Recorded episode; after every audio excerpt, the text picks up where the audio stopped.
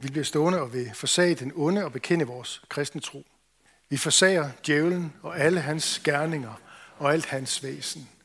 Vi tror på Gud Fader, den almægtige, himlens og jordens skaber.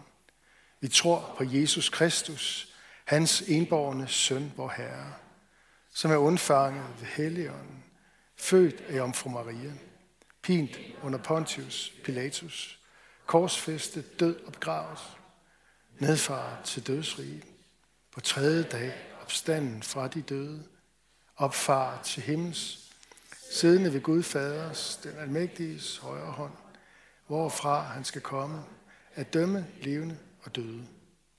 Vi tror på Helligånden, den hellige almindelige kirke, de hellige samfund, syndernes forladelse, kødets opstandelse og det evige liv.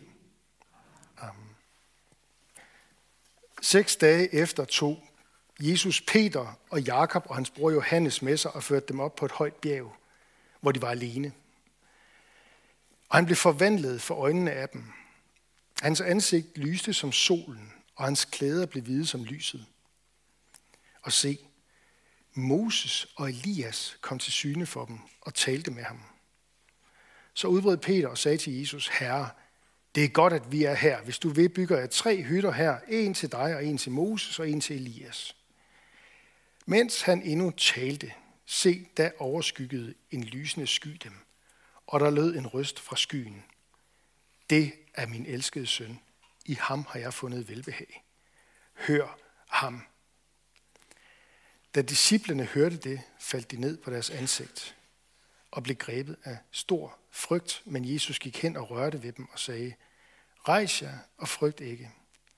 Og da de løftede deres blik, kunne de kun se Jesus alene.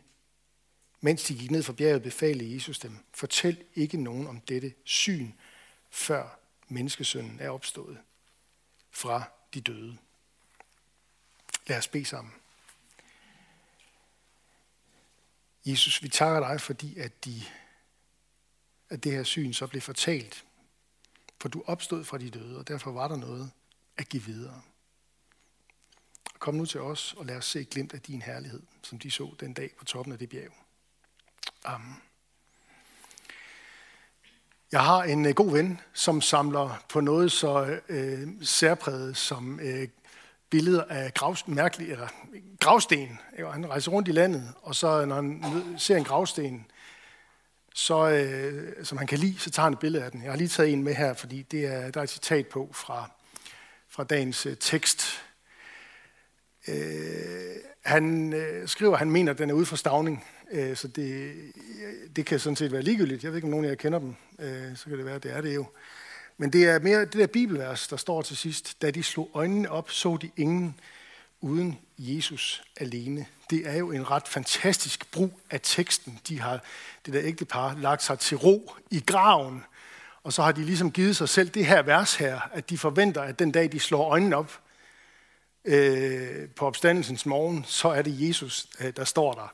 Øh, det kan jeg godt lide, den, øh, den øh, måde at, at, at bruge det her vers på. Øh, det er jo revet fuldstændig ud af sin sammenhæng, ikke også? Men, men, øh, men alligevel en ret øh, skøn og fantastisk brug af sådan et vers her. Og man kan også håbe, at de så efter at have skudt Jesus, så også lige kigger på hinanden igen med nye og forvandlede øjne. Det tror jeg, at mange af os har brug for på den, på den morgen, opstandelsens morgen. Ikke? Øhm, men det her med at skue Jesus i herlighed, hvad betyder det? Eller lad os prøve at spørge øh, på en anden måde. Hvad betød det for de disciple, der var med op på toppen af bjerget? Og der er det interessante, at vi kan enten vælge at øh, gætte, mere eller mindre kvalificeret på det.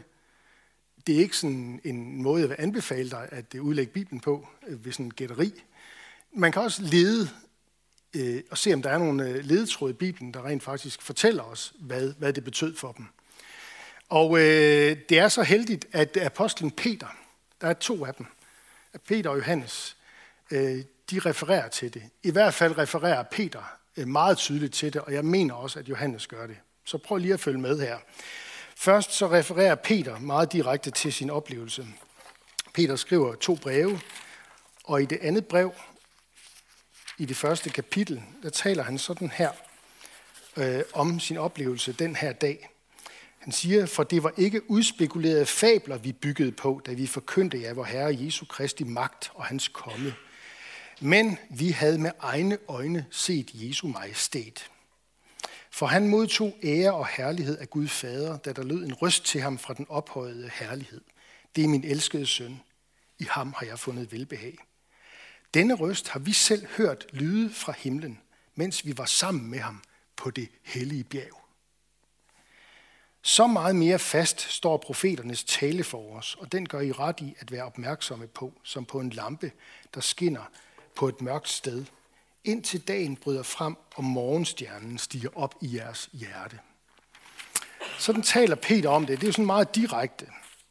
Og så i, den, i øh, Johannes, som også var med på bjerget, øh, og skrevet nogle breve, og et evangelium og en åbenbaring har han også fået. Han fylder godt i Nytestamentet Johannes. I hans første brev, kapitel øh, 3, øh, der siger han sådan her, og det er ikke, det er ikke sådan, han siger det ikke direkte, men når, man, når vi ved, at han er med på toppen af bjerget, og ser Jesus sådan forklaret og åbenbart, så tænker jeg, at øh, det er det, han, det er det, der, der, gerne, der ligger i baghovedet. Han siger sådan her, mine kære, vi er Guds børn nu, og det er endnu ikke åbenbaret, hvad vi skal blive. Vi ved, at når han åbenbares, skal vi blive ligesom ham, for vi skal se ham, som han er. Det var jo det, de gjorde der på toppen af bjerget. De så Jesus, som han er. I majestæt, i herlighed. De så Guds søn, sådan med den, med den majestæt og den herlighed, han har fra evighed af.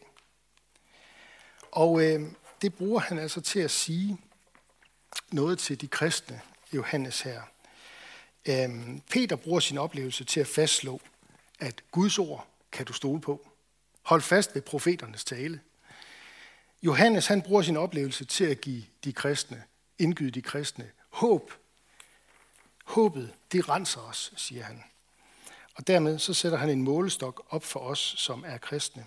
Sørg for at have et stærkt element af længsel og håb og tiltro øh, i din tro til Gud. Den, der har håb, lever anderledes, er der en, der har sagt. Øhm, og det er, det er den måde, han, han altså udtrykker det på her om Johannes. Vi skal se ham, som han er. En hver, som har dette håb til ham, renser sig selv, ligesom han er ren.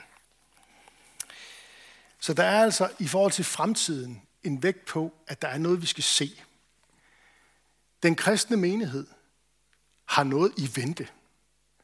Noget, vi ikke ser nu, men noget, som vi skal se. Nemlig Jesus i fuld majestæt.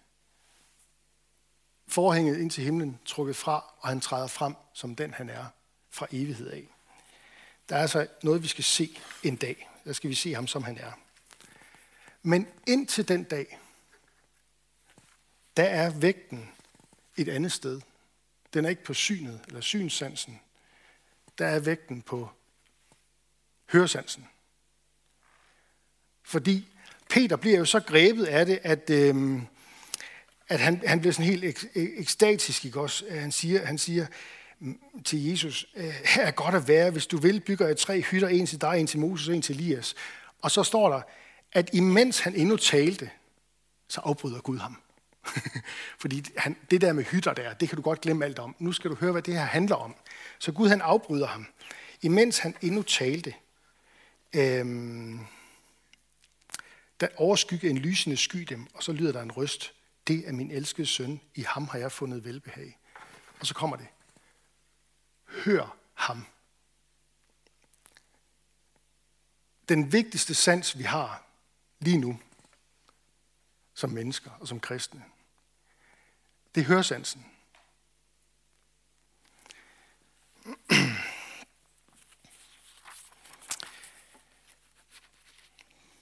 Hør ham. Jeg kommer tilbage til det lige om lidt. Men der er en ting, jeg lige skal have med her nu. Og det er så, at de møder Moses og Elias. Og jeg vil godt lige prøve at lægge vægten lidt på, øhm, på det med Moses. Fordi Øh, de fleste bibelforskere er enige om, at Matthæus evangeliet det er sådan det mest øhm, jødiske af de evangelier, vi har. Det vil sige, at Matthæus han henvender sig primært til første og anden generation Jesus troende jøder, og i det hele taget jøder, øh, som han, nu, han jo selv er. Matthæus er den samme som Levi. Matthæus Levi, han har sikkert haft to navne. Altså tolleren, der bliver kaldet af Jesus, og bliver en del af hans øh, 12 disciple. Øh, han skrev for at forkynde for jøder, at Jesus han er den lovede Messias. Og derfor så bør det heller ikke overraske os, at øh, Jesus han møder øh, Moses og Elias her på toppen af bjerget. Det er jo to af de store skikkelser i det gamle testamente. Det er sådan et topmøde imellem øh, de, gamle, de, de store skikkelser i gamle testamente, og så også øh, dem, de tre største måske af disciplene, Peter, Jakob og Johannes, og så Jesus i midten. Så du har profeterne på den ene side, og apostlene på den anden side, og så har du Jesus lige i midten der. Det er sådan det topmøde, vi skal se for os der på toppen af det bjerg. Men Matthæus, han sammenligner Jesus med Moses flere steder, og nu har vi jo lige fejret øh, jul for nylig, og som jeg sagde, det er ved at være, vi er ved at binde sløjfe på det. Jeg må bare lige minde om de ligheder, der er imellem Moses og Jesus i Matthæus evangeliet, før vi når til øh, det her øh, topmøde på bjerget her. Øh, da de bliver født, Øh, kort efter at Moses bliver født, der vil Ægyptens farao slå ham ihjel. Kort efter Jesus bliver født, der er det så den romersk venlige konge i Israel, Herodes den Store, der vil slå ham ihjel. Øhm, så Moses han flygter fra Ægypten væk fra farao. Så går der et stykke tid, og så får han at vide af Gud, nu kan du godt vende tilbage, øh, for det er sikkert at vende hjem. Jesus og hans forældre, de flygter den modsatte vej fra Israel til Ægypten, væk fra Herodes, og efter et stykke tid, der får de at vide af Gud, Josef får ved en drøm, nu er det sikkert, nu kan I godt vende hjem igen. Og den drøm her, der får Moses at vide, at øh, vend tilbage til Ægypten, for alle de mænd, der stræbte dig efter livet, er døde. Hvorimod Josef, han får at vide af Herrens engel, stå op, tag barnet og dets mor med dig og drag til Israels land, for de, der stræbte barnet efter livet, er døde. Altså, der er simpelthen nogle sproglige sammenfald her, som er så tydelige, at det, der, der er sådan en sammenhæng imellem Moses og Jesus, som Matthæus gerne vil have, at vi skal have fat i. Øhm, for øvrigt så er det sådan, at da Israel drog ud fra Ægypten, der taler Gud og siger om Israels folk, at Israel er min førstefødte søn. Og et andet sted i det gamle testamente hos profeten Hoseas, der bliver det brugt på den måde, at, at når Hoseas taler om udfrielsen fra Ægypten, så siger han, fra Ægypten kaldte jeg min søn. Gud kalder Israels folk ud af Ægypten. Og det vers, det bruger Matthæus simpelthen til at sige, hvad det er, der sker med Jesus. Der står der sådan her. Øh, de står op, og så øh, tager Josef barnet, Jesus og hans mor med sig og drog øh, Øh, til Ægypten. Og der blev han indtil Herodes var død, for at det skulle opfyldes, som Herren har talt ved profeten, der siger, fra Ægypten kaldte jeg min søn. Og det er altså Jesus, der taler om der. Første omgang var det Moses. Så der er en masse ting, som sker med Moses i det gamle testamente, som da Jesus bliver født, så afspejler han det på en eller anden måde. Han personificerer på en måde hele Israels historie i den historie, som nu bliver udfoldet med Jesus der i Matteus evangeliet. Det synes jeg er sådan ret, øh, ret fantastisk. Tænk for eksempel også bare på bjergprædikenen. Ikke også? Altså der står, at Jesus han gik op på bjerget, og så underviste han disciplene. Vi får selv prisningerne og fader over de ting der. Det er jo en afspejling af Moses selv, da de kommer til Sinais bjerg. Så går han op på bjerget, og så får han budene, og han får instruktionen af, hvordan skal, man, hvordan skal vi finde tilgivelse for vores synd ved indretningen af, af, af tabernaklet osv.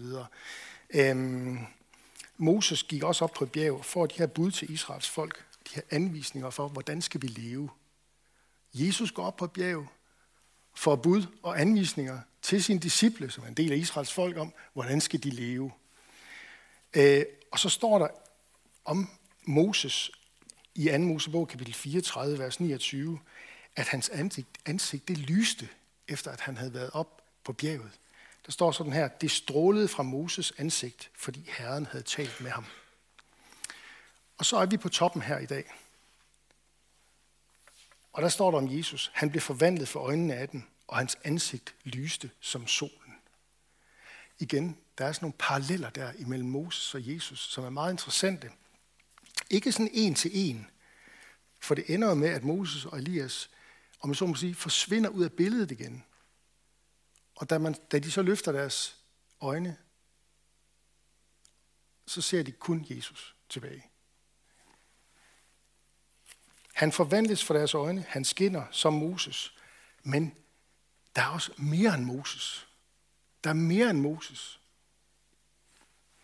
Og det der er, det er, at på den ene side, så er Moses jo i Israels historie i det gamle testamente, han er den helt store skikkelse. Han er, han er, jo, han er jo den, som Gud giver Israel øh, budene og loven igennem. Alle de fem mosebøger, og hvordan de skal leve osv. osv. Han er den store lovgiver. Den, der på en særlig måde taler Guds ord til folket med et så siger Herren.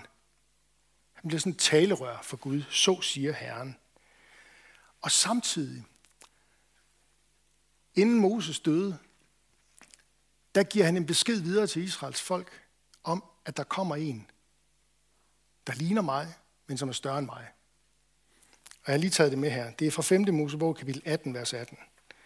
Gud han siger sådan her igennem øh, Moses, jeg vil af jeres egen midte, altså af Israels folks midte, lad en profet som dig, Moses, fremstå for dem, og jeg vil lægge mine ord i hans mund. Han skal forkynde dem alt det, jeg befaler ham, og den, der ikke adlyder mine ord, som han taler i mit navn, vil jeg kræve til regnskab. Det blev meget tydeligt med det, vi oplever her i dag på toppen af det bjerg, at Jesus, han er lige præcis den her Moses-agtige nye profet for Israel. Nu taler Gud selv og udlægger det for os. Vi behøver ikke at gætte. Vi behøver ikke gætte. Det, det ligger i teksten selv. Gud han siger, ham der, der står der og lyser, som Moses engang lyste på toppen af et bjerg. Han er min elskede søn. I ham har jeg fundet velbehag. Og så kommer igen den her, øh, den her appel til vores høresans. Hør ham. Hør ham. Der tænker jeg, at det gør ikke noget, hvis du får den her tanke omkring Jesus og troen, at der er en stærk sammenhæng imellem at høre og at tilhøre. For det er der i Guds ord, i forhold til det med troen og Jesus. Der er en meget, meget stærk sammenhæng imellem at høre og så at tilhøre. Den, der hører ham, tilhører ham. Troen kommer af det, der høres, siger apostlen Paulus et sted i Rombrevet, kapitel 13. Troen kommer af det, der høres, og det, der høres, kommer i kraft af Kristi ord. Det betyder, at Jesu ord i sig selv har en indbygget spirekraft. Det, der kommer, det, der høres, kommer i kraft af Kristi ord. Jesu ord har en indbygget spirekraft i sig, til at afsløre og til at skabe noget nyt. Til at skabe noget nyt i et menneske, nemlig troen. Det er derfor, der er den her sammenhæng mellem at høre og at tilhøre Jesus. Når du lytter til Jesus, så kan han skabe troen i dig. Når du lytter til Jesus, så lytter du nemlig til Gud. Du lytter til ingen ringere end himlens og jordens skaber. Som Gud han sagde der til Moses, at der kommer en en gang fra Israels eget midte, som I skal lytte til, fordi det er mine ord, jeg lægger i hans mund. Så når du lytter til Jesus, så er det himlens og jordens skaber. Din skaber, du lytter til. Det betyder så også, at hvis Jesu ord ikke slippes løs, hvis Jesu ord ikke lyttes til, hvis det ikke cirkulerer i blandt os, hvis ikke det slippes fri, så er vi på spanden, for at sige det mildt. Vi er ildestet, eller hvad man nu skal sige. Så visner troen. Uden Jesu ord sluppet løs i blandt os, så visner troen, så forstår vi ikke, hvem vi er, og hvor vi kommer fra. Det er derfor Gud han siger det til de første øh, tre disciple der, Peter, Jakob og Johannes. Hør Jesu ord. Det er også kaldt til os. Det er også Guds ord til os i dag. Hør ham. Det er det, Paulus han understreger fra i øh, Kolossenserbrevet 3.16. Lad Kristi ord bo i rigt mål i blandt jer. Så fortsætter han med at sige, undervis hinanden med salmer, hymner og åndelige sange. Tal til hinanden på den måde. Altså igen, hør ham. I samtalen, i prædiken, gudstjenestefejringen, i salmerne, i bønderne osv. Hør ham. Måske skal du også tænke det ind i dit bønsliv. At bøn, det handler ikke bare om, hvad du har på hjerte over for Gud, og nu skal der tales til Gud, men som en har sagt, bøn, det handler også om, at du bliver stille, så du kan høre, hvad Gud siger. Det vil jeg særligt anbefale Salmernes bog. Nogle gange så tænker vi om bøn på den måde, eller det, det, bliver, det bliver tit sådan, at der, der bliver skabt en tanke, som bliver til en bøn. Salmernes bog kan du bruge modsat. Der ligger nogle bønder, bønder der allerede, som du kan læse som bøn. Med, læs dem langsomt, læs en linje af gangen, og så hør, hvad det er, der bliver sagt. Det er den modsatte vej rundt. Hør ham. Når Jesus taler, så er det Gud, der taler. Det hele det er så voldsom en oplevelse, at de tre disciple de falder til jorden og gemmer ansigterne i hænderne. De ved igen fra bibelhistorien, at det er frygteligt at falde i den levende Guds hænder, og de ved, det er ham, der er på spil nu, her på toppen af bjerget. Intet menneske kan se Gud og leve. Og mens de så ligger der, så går Jesus hen til dem og rører ved dem. Og siger, rejs jer, frygt ikke.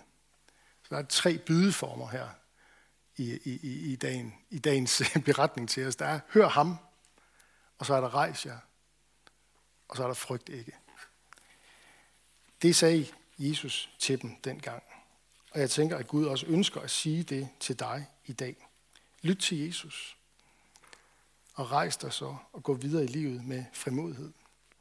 Tænk også på de ord, når du kommer til Guds tjeneste. Hør ham. Knæl ned ved alterbordet, Og når du har modtaget ham, skilse af brødet og vinen, så rejs dig. Frygt ikke. Så må du også gerne tænke om det. Og så en sidste ting. De går ned ad bjerget igen, og der rammer virkeligheden. Der er en, øh, en, øh, en familie i dyb krise, hvis I går hjem og læser videre dernede for, for foden af bjerget. Ikke også? Øh, men de går ned, og Jesus bevæger sig videre på vej hen imod et andet bjerg. Det er for øvrigt øh, næste gang, vi møder de tre disciple igen. Det er lige øh, få dage inden han kommer op på toppen af Golgata-bjerget. Der er han sammen med de samme tre disciple ned i en dal, kan man sige, Gethsemane have. Det er også Peter, Jakob og Johannes, der er med derinde i Gethsemane have.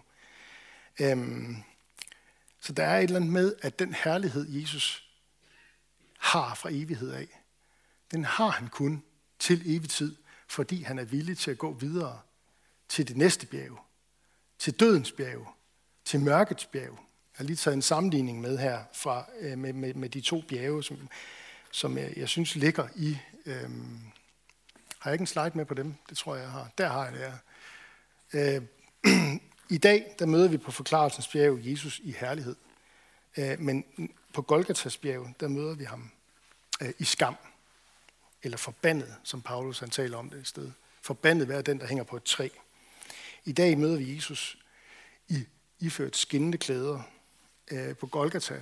Der bliver tøjet revet af ham.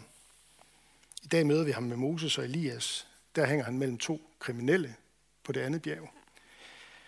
I dag der bliver Peter henført, og og er enormt glad øh, på, i forbindelse med Golgata. Der fornægter han Jesus og øh, afviser, at han kender ham. I dag der bekræfter Gud, det er min søn. På Golgata der er det en romersk soldat, der siger det. Han er Guds søn. I dag der indhyldes vi i en lysende sky, men på dødens bjerg, der er det mørket, der falder. Og sådan må det være. Jesus han ved, at hans himmelske herlighed, den kan ikke adskilles fra den lidelse, der ligger på det næste bjerg på Golgata. Og han går derhen alligevel, selvom han ved, hvad der venter ham.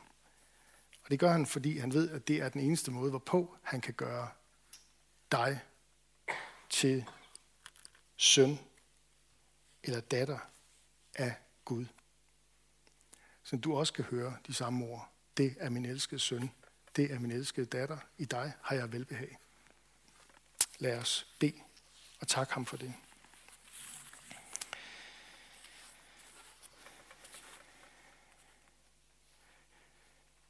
Jesus, vi takker dig for, for beretningen her. Tak for, øh, for din herlighed, som du har fra evighed af, og som vi en dag, når du kommer igen, skal se fuldt ud. Vi øh, beder dig om hjælp til at kunne gøre det, som vi får at vide her igennem dit ord. Nemlig at lytte til dig. Til at rejse os og gå ud i livet. Og gå derud uden frygt. Der kan være så meget, der øh, tynger os ned og hindrer os i at kunne øh, komme op og stå på benene. Der kan være så meget, som kan skabe frygt, øh, menneskefrygt i vores liv og i vores hjerter. Men beder om, at dit ord må slippes løs og øh, florere øh, med al mulig kraft og ånd i os. Så at øh, du, Jesus, står forklaret og alene tilbage.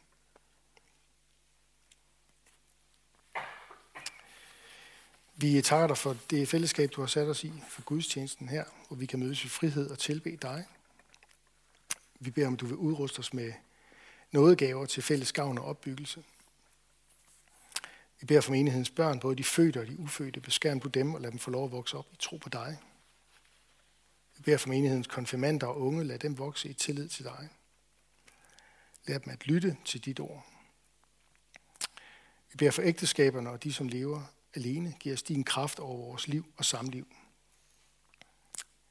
Vi beder for Skjern by og omegn, at du, Jesus, må blive kendt, troet, elsket og efterfuldt. Vi beder for Niels Jørgen Fogh, menighedens vejleder, velsign ham i hans tjeneste. Vi beder om, at du vil være nær hos alle, der er ramt af sorg, sygdom og lidelse. Giv os mod til at være til stede, til at række ud og bede om lægedom for hinanden. Og giv os visdom til at lindre smerten hos hinanden. Lad os være stille et øjeblik og bede for et menneske eller en situation, der har brug for Guds hjælp.